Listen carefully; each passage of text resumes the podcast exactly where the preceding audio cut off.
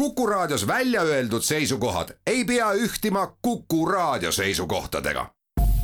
Te kuulate Kuku Raadiot.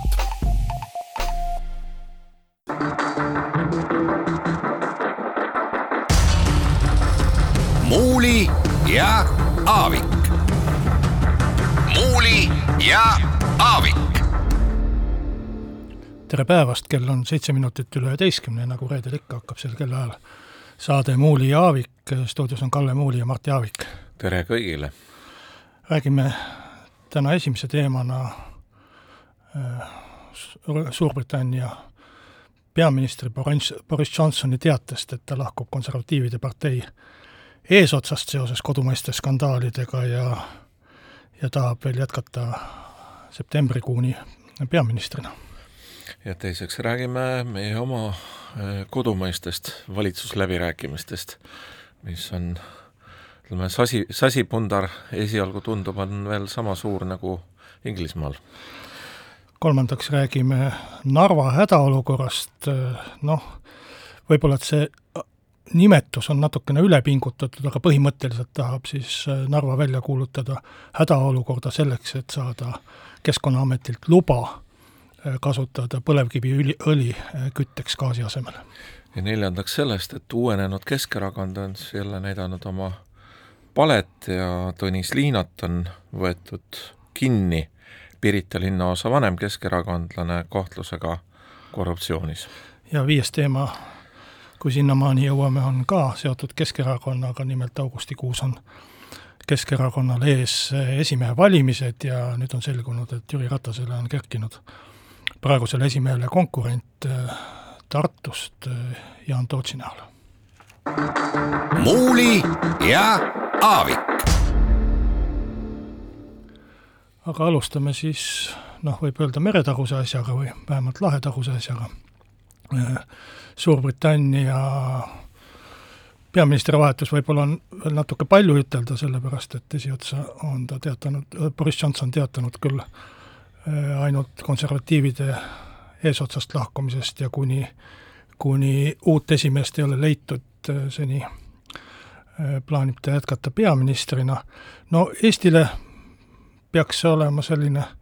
noh, mingis mõttes kurb või võib-olla isegi hirmutav sõnum, Boris Johnson on olnud selgelt üks suuremaid Ukraina toetajaid ja, ja ka väga suur Eesti sõber ja, ja Suurbritannia äh, väed on seotud ka Eesti kaitsega, eriti päris, pärast nüüd äh, NATO tippkohtumist, kus Suurbritanniasse pidi Eesti kaitseks üks brigaad moodustatama või, või, või määratama. Äh, võiks ju ütelda noh, välispoliitiliselt nii, et äh, see on tohutu löök Ida-Euroopale, Baltimaadele, Ukrainale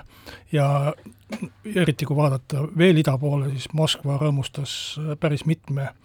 juhtiva ametniku avalduse näol ja, ja avaldas suurt heameelt selle üle, et selline kaabakas äh, lahkub äh, ja, ja kui vaadata ka objektiivselt, äh, ütleme siis, jätta tunded kõrvale, vaadata ainult kas relvastuse numbreid või, või rahanumbreid või mida iganes, siis Suurbritannia toetus Ukrainale on ikkagi enam-vähem sama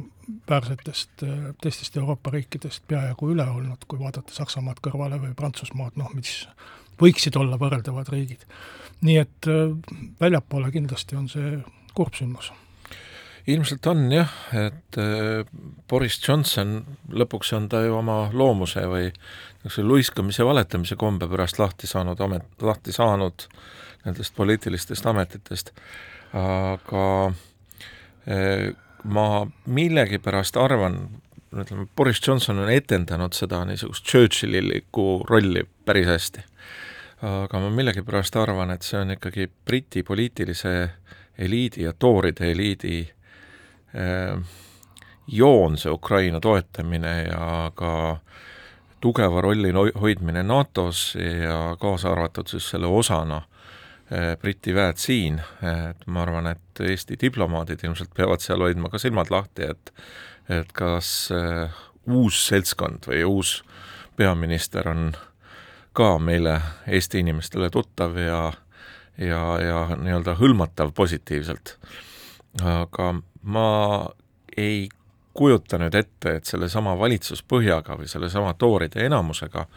ei juhtuks see, et äh, midagi faktiliselt halvemaks läheb. tõsi, Boris Johnson on olnud ka, ütleme, ta on hästi selline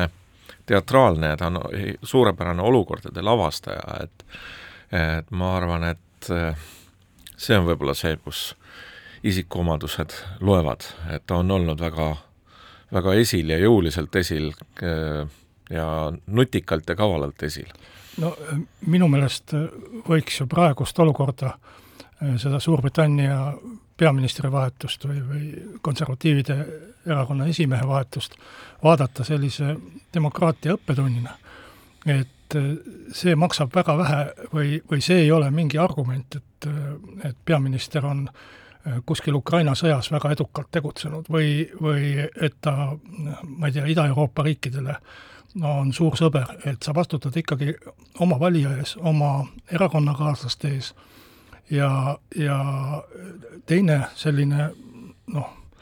ütleme, põhijoon on ikkagi see, et et ega riigi poliitika ei peaks muutuma sellest, kui üks isik seal riigi eesotsas vahetub, eriti kui arvestada praegu, kus tegelikult ju poliitiline võim ei vahe, vahetu, vaid sama erakond ju jätkab juhtimist. et, et selle, sellest, seda, selliseid aspekte, et noh, kes meid välismaal nii hästi esita-, esindaks, nagu meil kas või Eesti puhul on vahel räägitud, et seda,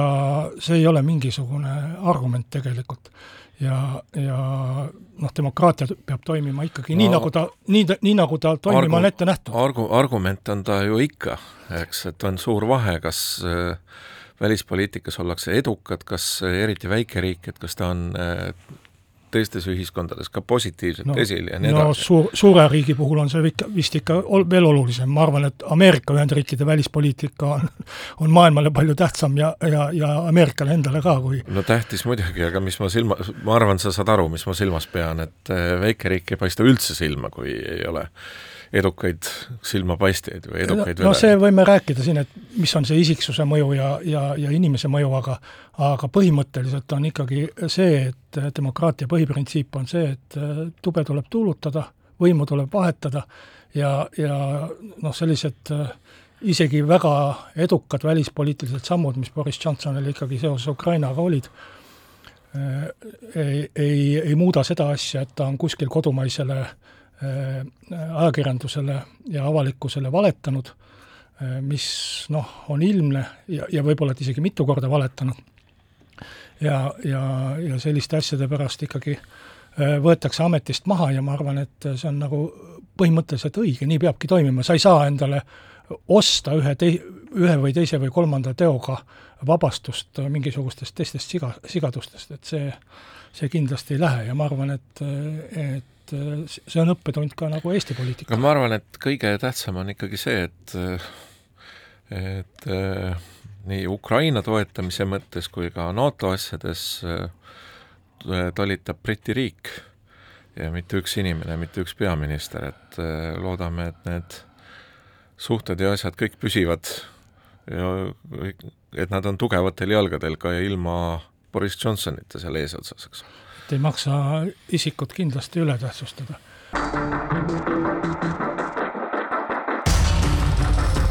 muuli ja Aavik. muuli ja Aavik. käivad siis Eestis valitsusläbirääkimised ja tundub, et see nädal on esimene sellest eh, peaaegu kuu aega kestnud, või ongi kuu aega kestnud eh, eh, väidetavatest valitsuse, uue valitsuse kokkupanemise läbirääkimistest. ja iseloomulik on siis see, et esimest korda tundub, et on peaminister ohjad haaranud ja isegi näidanud seda, et teekond Tallinnast Viljandisse on sama pikk kui Viljandist Tallinnasse. nagu ma uudistest aru saan, siis käinud ka Helir-Valdor Seederi juures, et ei pea käima läbirääkimised nii, et on kuskil seina peal üks suur pea, nagu me oleme kõik harjunud, harjunud oma veebikoosolekutega viimastel viimastel aastatel. püüdsin hästi kiiresti Eesti taasiseseisvunud Eesti kolmekümne aasta ajalugu silme eest läbi lasta ja meenutada, kas kunagi on üldse väljaspool Tallinnat koalitsiooniläbirääkimisi peetud, aga ei meenunud, noh, küllap, küllap kõike on juhtunud, aga aga et see on Seederi regionaalpoliitiline võit, nagu ma aru saan no,. mis nüüd mitte ainult ametnikke ei kolita väljapoole Tallinnaid, vaid koalitsiooniläbirääkimised ka. aga äh, mis, mis nüüd sellesse tähtaega puutub, siis ma täpsustaks, et tegelikult koalitsiooniläbirääkimised algasid kolmeteistkümnendal juunil ja, ja mõni päev on veel aega, et kuu aega saaks täis sellest. iseenesest noh, räägitakse, et kohutavalt venivad ja kohutavalt pikk, et ma arvan, et kolm-neli nädalat koalitsiooniläbirääkimisteks ei ole selline mingisugune erakordselt pikk aeg, et see on selline üsna, üsna keskmine aeg, tõesti, eelmine koalitsioon pandi kokku kahe nädalaga, aga, aga mis oli tulemus, oli, oli kohutavalt kehv. üle-eelmine koalitsioon sündis kahe kuuga ja ei olnud ka nagu väga häda, sinna ette veel tehti seda etendust, et üks teine peaministrikandidaat käis Riigikogus ja, ja pidas kõnesid ja ja, ja president tahtis igasuguseid asju teha. et kolm-neli nädalat iseenesest ei ole pikk aeg, aga küll ta tundub pikk aeg selle poolest, et äh, noh, valitsust, olemasolevat valitsust praktiliselt ei ole olemas ju, see tege-, tegeleb äh, aknatihendite paigaldamisega ja mis need kõik teemad olid viimatisel valitsuse pressikonverentsil? no ma arvan, et sa oled ikka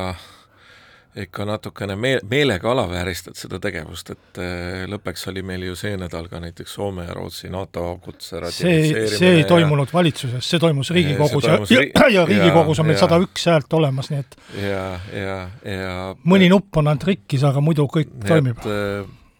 seitsekümmend üheksa poolthäält pluss veel mõned, kellel nupp ei toiminud, et äh, üle kaheksakümnes äkki või kaheksakümmend. jaa, aga mina rääkisin valitsusest. aga ma pean ütlema, et tõesti sel nädalal vist on olnud esimene nädal nendest neljast, kus on läbirääkimisi äh, peetud väga tõsiselt, äh, väga töiselt, väga pikalt. Kui ma eelmiste kohta sain ütelda siin, et olid kaootilised ja, ja paar tundi päevas, siis see oli tõsi, aga see, see ei kehti selle nädala kohta, kus tõesti äh, oli kolm pikka tööpäeva pluss pool ööd, e, aga kummaline seis on see, et hetkel ma ei ole küll ajakirjandusest seda lugenud, aga hetkeseis on selline, et keegi ei tea, kas läbirääkimised jätkuvad või ei jätku, sest pool neli öösel tõusis Kaja Kallas laua tagant püsti ja ütles, et ma annan nüüd teile teada varsti mingi aja pärast, mis mm. me siis nüüd edasi teeme, kas me, kas me räägime edasi või me ei räägi edasi? no õpikutes on kirjas ka nii, niisugune asi nagu taktikaline paus. et äh, pausiga sa peadki tekitama teises, läbirääkimiste po-, teises pooles no teatris, teatris olevat vist kandev paus. jaa, ma ei tea, kas see on kandev paus, eks ole, aga mõte on see, et me võime ka loobuda sellest. et äh, igal juhul väga veider, veider seis ja mingis mõttes huvitav seis, aga, aga huvitav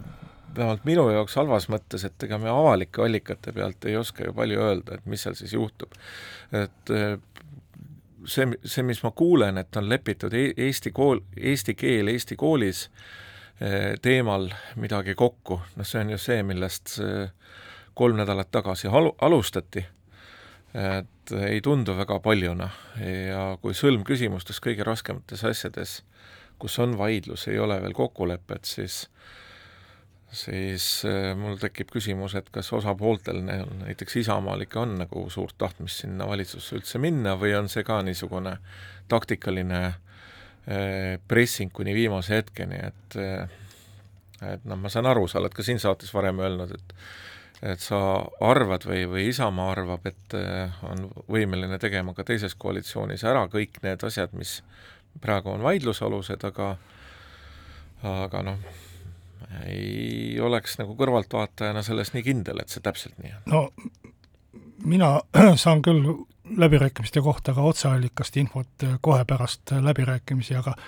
aga ma ei saa ka läbirääkimistel kinniste uste taga äh, räägitud detaile siin hakata ümber jutustama, et see ei ole korrektne. Aga, aga mis ma küll tahan ütelda, on see, et, et kindlasti Isamaa tahab valitsust moodustada, et see ei ole mingisugused sellised veik- või, või teesklemisläbirääkimised. ükski poliitik ei hakkaks keset suve istuma neli nädalat ja, ja ja, ja mõned ööd ka veel. seda esiteks, aga mis on noh, ma ei ütleks probleem, aga mis on läbirääkimiste raskus, on see, et Isamaa tõesti läks nendele läbirääkimistele väga ambitsioonika, väga tugeva programmiga, väga, väga suuri asju tahtma ja, ja loomulikult need äh, suured asjad äh, on, on keerulised läbi rääkida.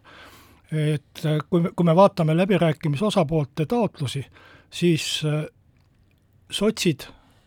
tahtsid ka üht-teist,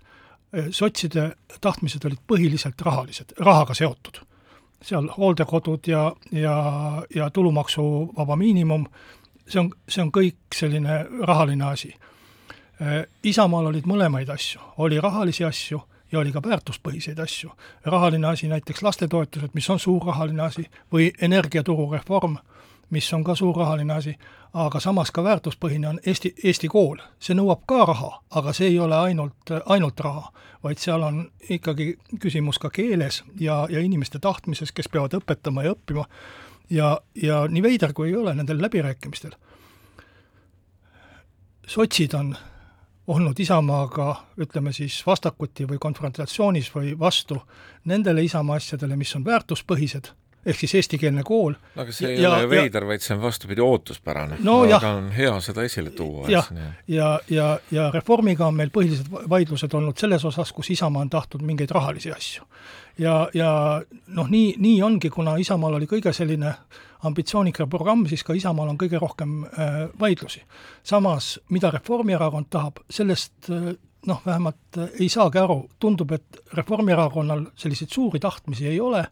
suuri eesmärke ei ole, on põhiline eesmärk, et saaks uue valitsuse moodustada ja uue valitsusega valitseda valimisteni, ma kindlasti ei ütleks, et nad ei taha midagi teha, see on, see on vale väide. Äh, kindlasti tahavad nad hästi valitseda, aga neil ei ole nagu enda omapoolset agendat. kuule, mina ütlen oma tagasihoidliku kodaniku positsiooni, et äh, meil on nüüd olnud taasiseseisvumise hetkest äh, kui palju, kolmkümmend üks aastat ja meil on endiselt see olukord, et meil osa siis venekeelsetest koolidest tulevaid inimesi ei saa eesti keeles hakkama see asi tuleb ära lõpetada ja ma ei näe mingisugust teist koalitsiooni, ma näen seda, et, et kui te lähete Keskerakonnaga midagi tegema, siis seda kindlasti ei tule. ma ei usu, et äh, EKRE, keda huvitavad niisugused rohkem nagu tavaliselt kirikumoraali äh, juurde kleebitavad asjad selles konservatismis, mitte niivõrd rahvus, et, et EKRE oleks äh, tegemas jõulist ja oskaks üldse nagu sellist koolireformi teha, mida vaja on. Ja et kui saaks sellegi käima korralikult, ja ma usun, et Isamaas on ka inimesi olemas, kes on, oskaksid seda asja vedada, et ja Reformierakonnas ilmselt samamoodi, et see oleks ka juba suur saavutus. no ma pean ütlema, et eestikeelse hariduse, eestikeelsele haridusele ülemineku, eestikeelsele koolile ülemineku asjus on see kokkulepe olemas või, või noh, praktiliselt olemas, et, et Isamaa sai seal äh, kõik need äh, asjad, mida ta oluliseks pidas. no, no arvan, kui, kui me oleks üksi valitsuses olnud, siis me oleks muidugi veel puhtamalt lõiganud seda saite, saite ei saanud, sellepärast et siin langeb ju huvi ja vaated ilmselt Reformierakonnaga peaaegu üks-ühele kokku no ega ei saa ühestki koalitsioonipartnerist ju üle sõita. et äh, valitsuses ja koalitsioonis peab olema üksmeel, et muidu ei ole võimalik äh, ühtegi otsust ju teha mm.. muidu kaovad ju Riigikogus hääled ära, valitsuses ei saa äh,, ei hakata ju hääletama. et, et siin peab olema ikka kõikide üksmeel ja ma arvan, et eestikeelsele koolile ülemineku asjus nüüd see üksmeel on olemas ja see kokkulepe on minu meelest ka äh, ei, päris hea, et, et midagi seal nukurtseda ei maksa, et kus on lahti, on, on siis kaks la-, rahalist küsimust, on elektrituru reform, on natuke lahti ja, ja, ja lastetoetused on natuke lahti, mina ise arvan küll et.... no räägime sellest eh, või no tõsi, see elektrituru reform puudutab natukene neid energiahinnakriise, aga et et no aga tõepoolest, ma ka ei saa sellest aru, et kui me äh, lo-, ma loen ennustusi sellest, kuidas juba selle aasta lõpuks tulevad naftahinnad alla ja nii edasi, et kas siis on vaja seda elektrituru maailma pöörata just täpselt sellisel viisil nagu igavesest ajast igavesti või võiks ta olla ikkagi ühe aasta põhine? et elektri hind äh, on ju meil praegu suvelgi kaks ja pool korda kõrgem, ehk mitusada protsenti kõrgem, kui ta oli eelmise aasta suvel. Ja elektri hind minu meelest ei ole tingitud nafta hinnast, mis tõesti on nüüd paar jonksu allapoole tulnud. elektri hind on ju tingitud sellest, et meil ei ole elektrit, elektripuudus on. ja, ja ega seda elektrit ei hakka ju poole aastaga äh, sulle kuskilt rohkem tulema et elektri hind võib-olla langeks siis, kui me saaksime gaasi hinna, mis sõltub ju Venemaast väga palju, saaksime gaasi hinna oluliselt alla, et siis gaasiga saaks ehk elektrit toota kuskil. ma ei tea, kas selliseid võimsusi ja võimalusi on, aga põhiliselt ju elektripuudus on see, mis seda hinda kütab ja elektripuudus on tingitud sellest, et öeldi, et aastal kaks tuhat kolmkümmend me lõpetame põlevkivielektri ära, aastal see me lõpetame fossiilsetest kütustest elektri ära, aga millest me seda elektrit toodame, seda ei ütelnud keegi, kõik arvasid, et tuulikutest ja, ja päikesepaneelidest. no võib-olla ukse tihendamisega ka e, saame mõne kilovati kokku hoida. et, et ega me siis seda elektrit ju ei, ei suuda hakata üleöö või ka aastaga rohkem tootma, et meil see kriis ära kaoks nüüd et elektrijaamade ehitamine ja võimsuste rajamine ei, ei saa ju nii kiire olla. et selles mõttes noh, võib ju sinna mingi tähtaja panna. Et põhimõtteliselt se-, selle üle ka räägitakse valitsusläbirääkimistel, et panna sinna mingi tähtaeg, aga noh, e-, ega see, see kriis ei kao meil üleöö ära ja, ja loota, et siin äh, nüüd äh, pool aastat on, kui oleks pool aastat, siis võiks ju selle ka kinni maksta, ma arvan, mingil muul viisil. aga see elektrituru reform tähendab tegelikult seda, et äh, me selle mittetoimiva börsi kõrvale anname võimaluse inimestele osta äh, elektrit selle hinnaga, millega elektrit Eestis toodetakse. millega Eesti Energia elektrit mm. toodab, pluss okay. mõistlik kasum mis igal ettevõttel peab olema, et investeeringuid teha. ja, ja siis äh, see elektri hind on veel üles klopitud ka CO2 kvoodiga, et, et seda CO2 kvooti, mis niigi laekub riigile üle, et sellega hüvitada natukene siis seda CO kvoodiga, CO2 kvoodiga üles äh, haibitud elektri hinda, et see ongi see Isamaa idee. noh, selle üle siis vaidleme Äh, reform tahab, et oleks, oleks hirmsasti börsi- ja turupõhine ja, ja, ja see oleks ikkagi juurde vaja midagi, mis, mis ka pikaajaliselt toimiks ja, ja turupõhisust äh, juurde tekitaks, et see, see jutt, et vot see börs ei toimi ja, ja see on nagu kehvasti kõik, see on tore jutt, aga kas peaks ka olema mingisuguseid ideid, et kui sul kaupa, kui sul kaupa kuidas, ehk elektrit ei ole, no mida sa müüd siis? Ku-, kuidas see turg siis toimib? et äh, loomulikult siis lähevad hinnad üles. aga teeme siinkohal hetkeks teise reklaamipausi.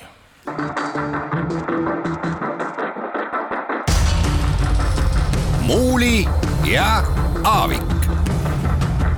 muuli ja Aavik jätkame saadet äh, stuudios Kalle Muuli ja Mart Jaavik. no räägime siis Narva hädaolukorrast, mis on veel küll vist välja kuulutamata, aga mida siis linnapea Katri Raik lubas äh, välja kuulutada selleks, et seaduse järgi siis selline hädaolukorra väljakuulutamine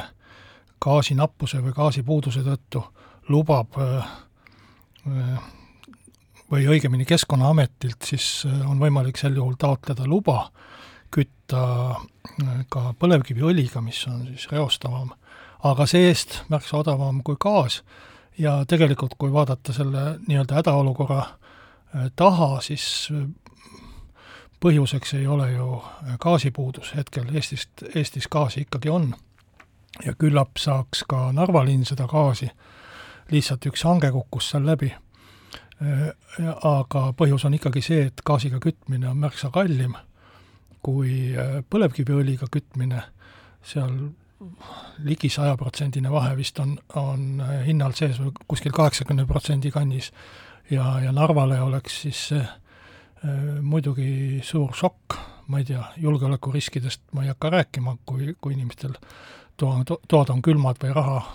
kütmise eest ei ole maksta, et, et mis nad siis Eesti riigist arvavad. aga, aga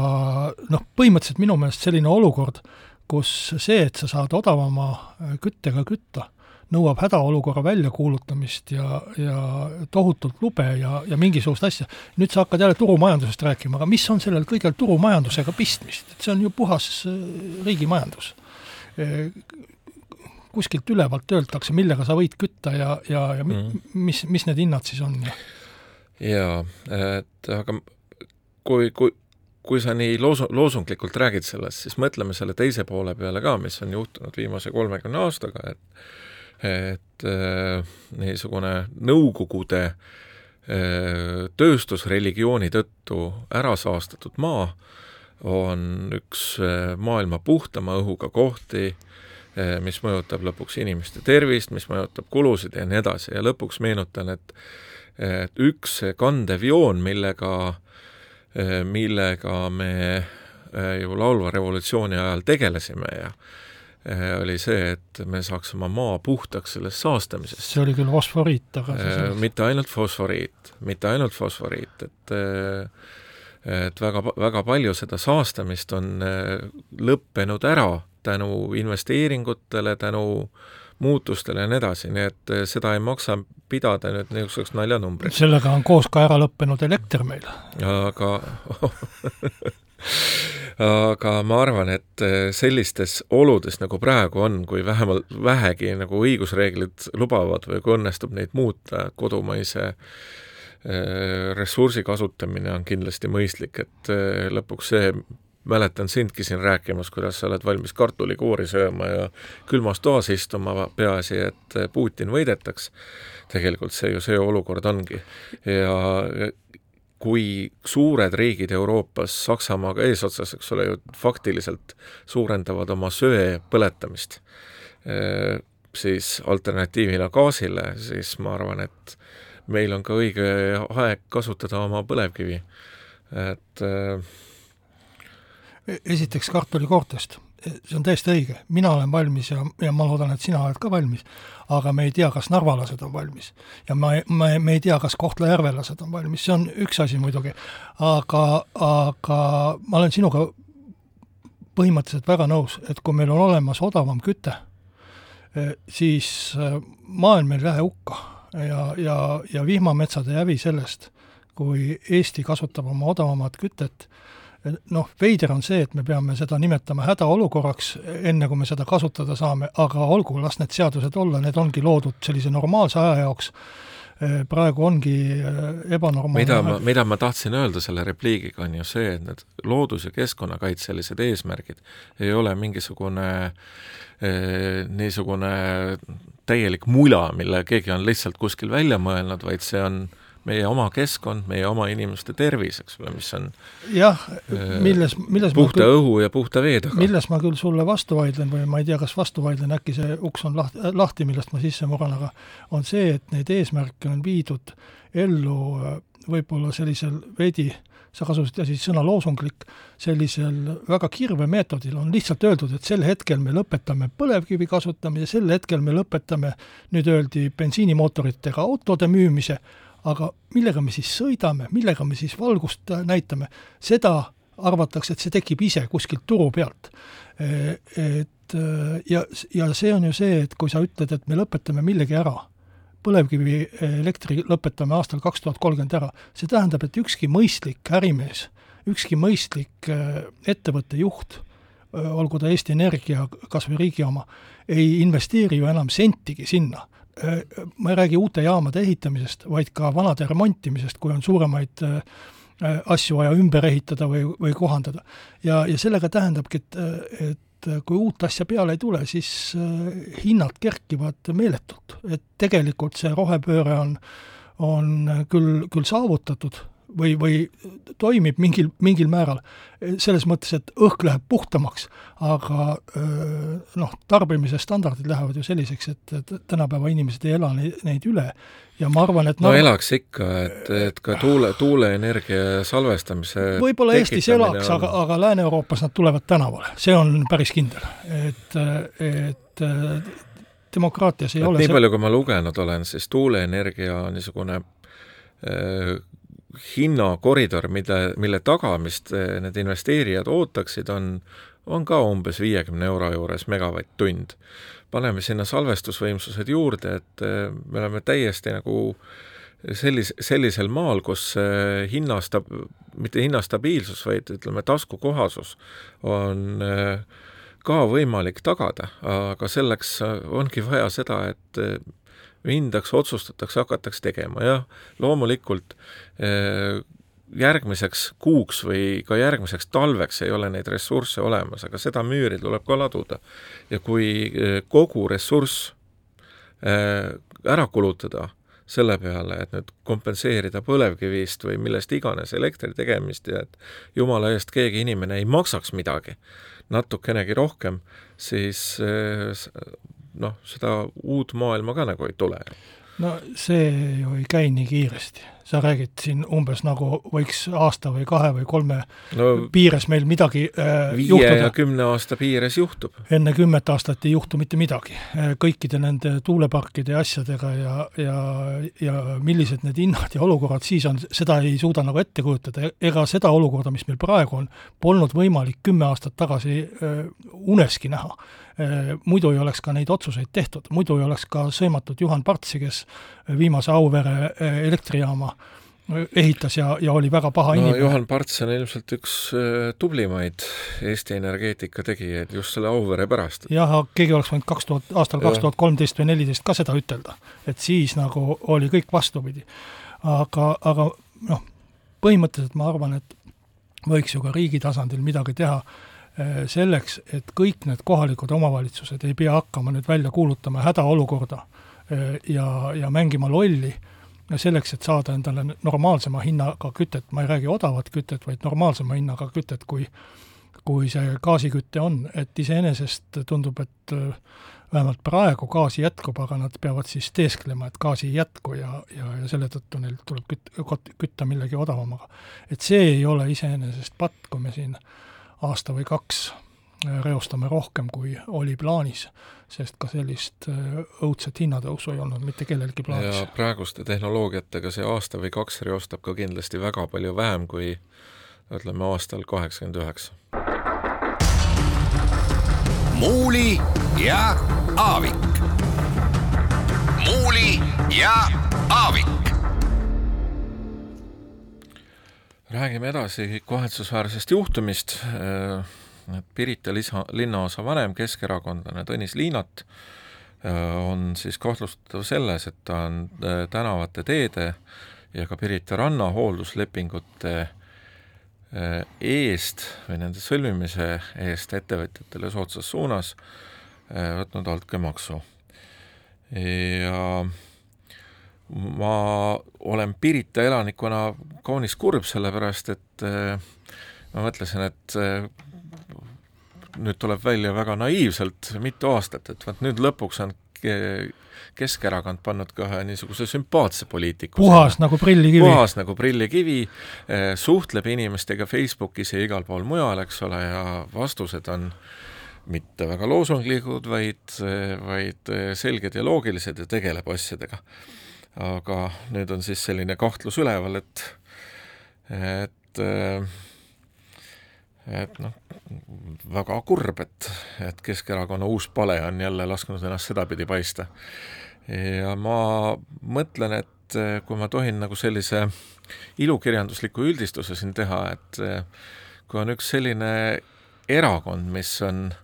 oma maine mõttes aastakümneid ju silma paistnud täpselt sellega, et, et see on karjäär, kar-, pakub karjääri, kus sa saad ametikoha ja eh, võimaluse rikastuda umbes nii, nagu Gogoli Surnud hinged eh, seda kirjeldavad või lugematu arv teisi kirjandusteoseid, et ju siis sinna sellised inimesed lähevad ja selliste mõtetega, et eh,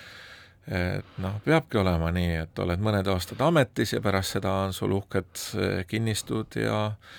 ja, ja autod ja majad ja värgid, et eh, nii nagu siin mitmete-mitmete või mitmete kümnete inimeste kohta me teame. noh, eh, pigem, pigem kui ma lasen neid silme eest läbi, siis neid väga rikkaid keskerakondlasi on on üksikuid, rohkem mulle meenub endisi, endisi. rohkem mulle meenub kriminaalkorras karistatud eh, keskerakondlasi. et äh, aga, aga tegelikult võiks siin sellist süvafilosoofiat küll viljeleda, et et, et kumb oli siis enne, kas muna või kana, ehk siis kas Keskerakonda astuvad kuritegelike kalduvustega inimesed või nad muutuvad seal kuritegeliku, kuritegelike kalduvustega inimesteks, et, et et kumba pidi sina, Mart, Martti, arvad, kuidas see saab nii olla, et et noh, peaaegu kogu aeg, kui me kuuleme mingist kuriteokahtlusest, ma mõtlen altkäemaksust ja, ja korruptiiv, korruptiivsest käitumisest, et siis noh, ma ei tea, kümnest üheksa või võib-olla teen liiga, on, on Keskerakond. püüdsin meenutada siin selle jutu ajal, et, et millal oli Isamaas viimati mõni korruptiivne poliitik, kes, kes äh, läks kohtu alla selle eest, et äh, võttis kelleltki altkäemaksu. no küllap neid on olnud, et igas erakonnas on oma mustad lambad. aga no tõesti, tükk meenutamist tuleb, aga kui ma hakkan Keskerakonna seda nime, nimekirja ette lugema, mida ma peast valdan, äh, ehkki tegemist ei ole minu koduerakonnaga, siis alates Barbustest ja Songisseppadest, no taevas, issanda päike läheb enne looja, kui ma sellega lõpuni jõuan ja saade kindlasti lõpeb ära. aga aga noh, ma arvan, et on suur vahe, et on meil siin olnud mõned erakonnad, kus seda korruptsi-, korruptiivset tegevust justkui normaliseeritakse või või ka sõnumite tasandil öeldakse, et vaat ikkagi nagu põhiliselt teeb kohtusüsteem liiga, mis ei ole ju ka teoreetiliselt välistatud või põhimõtteliselt ei ole välistatud. mida viimasel ajal Need, ei öelda, seda öeldi Savisaare ajal, Ratase ajal seda ei öelda, et vähemalt, kohus on vähemalt, kallutatud jõud on seal. vähemalt see on nüüd muutunud. aga meil oli Rahvaliit ja meil oli Keskerakond selline, kes teatasid, et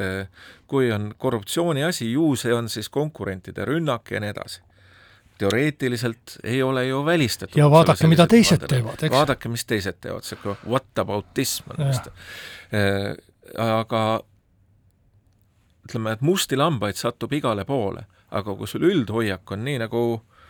noh, ma ei tea, rääkisime siin alguses Inglismaast, eks ole, et valetada ei tohi,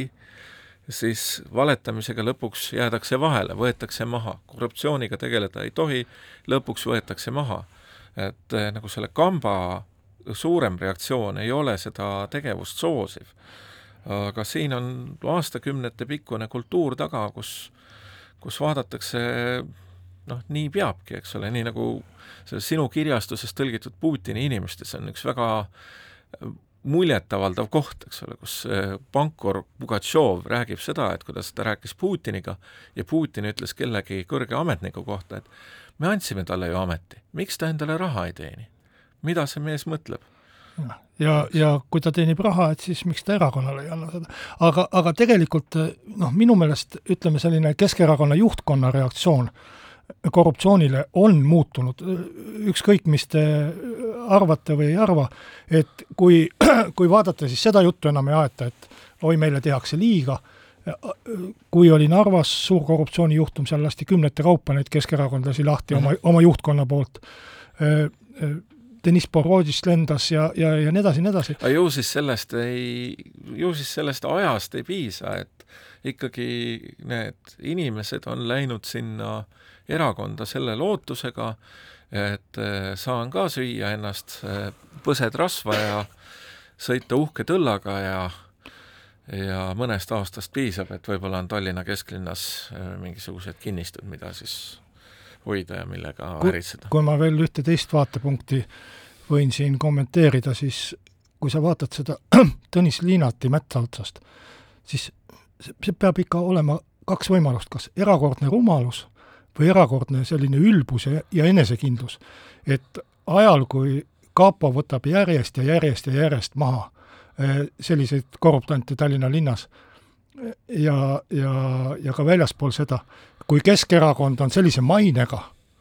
ja noh, võib ütelda, et peaks kollektiivselt kõiki, see on nüüd väga ülekohtune muidugi, kollektiivselt kõiki keskerakondlastest eh, linnaosavanemaid kahtlustama, et minna sellises olukorras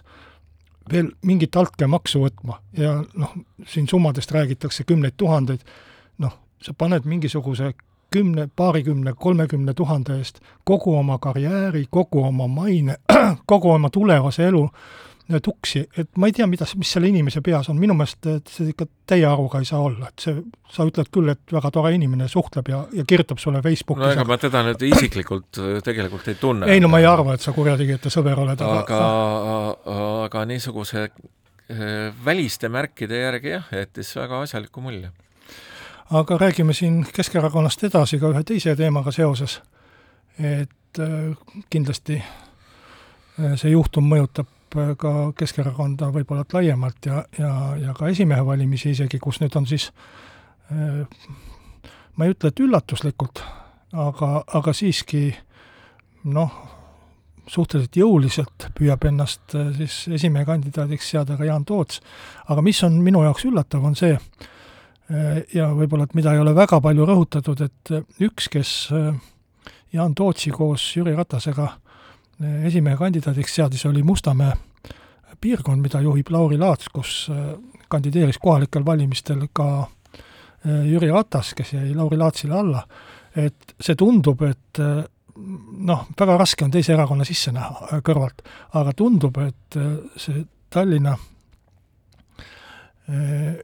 juhtkond, Kõlvartid, Laatsid, et need sellise proovi või, või katse või, või luure valimised püüavad ära teha Jaan, Jaan Tootsi kaudu, kes noh, kindlasti on väga ambitsioonikas ja kindlasti väga tahab, aga, aga vaevalt saab olla küll väga tõsine kandidaat Keskerakonna teiste juhtide silmis, et ma ei usu, et teda nagu tõsiselt plaanitakse, aga võib-olla, et see on selline pigem mingi märguanne Jüri Ratasele, et me oleme sinuga väga rahulolematud selle eest, mis valitsusega juhtus. nojah, täitsa võimalik, et äh, siin olen kuulnud, et et äh, Jaan Toots noolib ka Narva linnapea kohta, nii et äh, eks ikka inimene otsib endale äh, otsib end-, aktiivne inimene otsib endale tegevust. aga äh, ma arvan, et selline erakonna juhtide nagu kaurimi proovimine on, on üks väga põnev nähtus, et kuidas on, äh, ollakse erutunud ikkagi iga sellise positsiooni languse pärast, et nii reitingutes kui ka peaministri koha kaotamise pärast ja nii edasi, et et, äh, et eks need äh, märgid ja, ja see konkurentsi tekitamine, nagu sa siin kirjeldasid, iseloomustabki seda võib-olla ka, et mispärast nüüd viimane, viimane pool aastat või natukene rohkem on see Keskerakonna käitumine niisugune rabe olnud ja, ja valitsuses ka ei oldud rahulikult ja mõeldi välja kogu aeg igasuguseid eh, trikke, kuidas kuidas siis endale tähelepanu tõmmata, et oma, omade konkurents ilmselt on nagu see kanna, konkurentide amsatused eh, Jüri Ratase kanna vastu on ilmselt need, mis on siis natukene hulluks ajanud seda. Jüri Ratas on minu meelest teinud päris mitu olulist viga, kõige suurema vea ta minu meelest tegi eh, ööl vastu neljateistkümnendat jaanuarit kaks tuhat kakskümmend, kui ta otsustas peaministri ametist loobuda. tal oli äh, töötav valitsus, enamuskoalitsioon Riigikogus, mingi, mingi, miski asi ei, ei tõrkunud tal oma koalitsioonis ja ta otsustas tagasi astuda Keskerakonnale esitatud kahtlustust ettekäändeks või aluseks tuues, et tegelikult on ikkagi poliitikas nii, et võimust ise ei loobuta, et kui sa vaatad ka praegu, praegust valitsust, üks erakond seitse ministrit on läinud,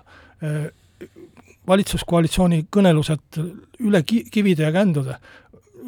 valitsust praktiliselt ei ole olemas, aga peaminister hoiab oma toolist kinni, eks ju. ma ütlen, et, et, et pigem käitutakse poliitikas sedapidi ja igasugune vabatahtlik loobumine võimust on, on ikkagi viga ja see oli, oli Jüri Ratase esimene ja kõige suurem viga minu meelest, see, et tänavu suvel pill lõhki aeti.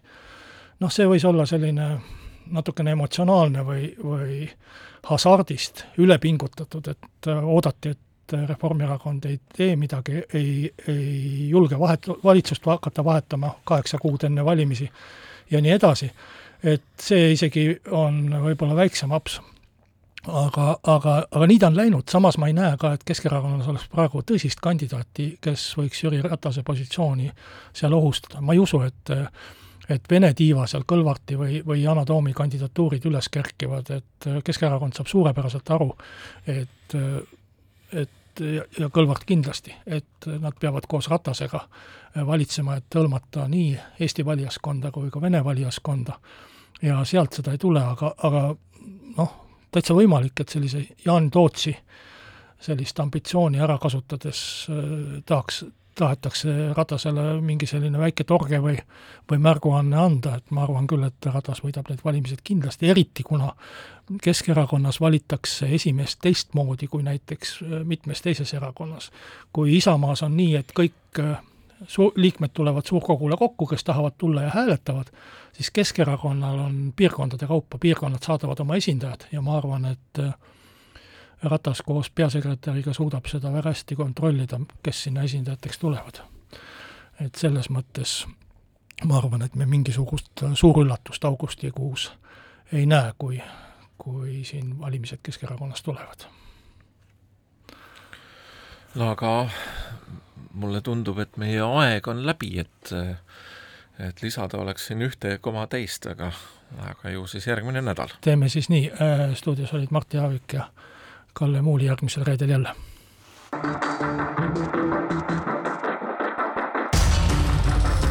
muuli ja Aavik.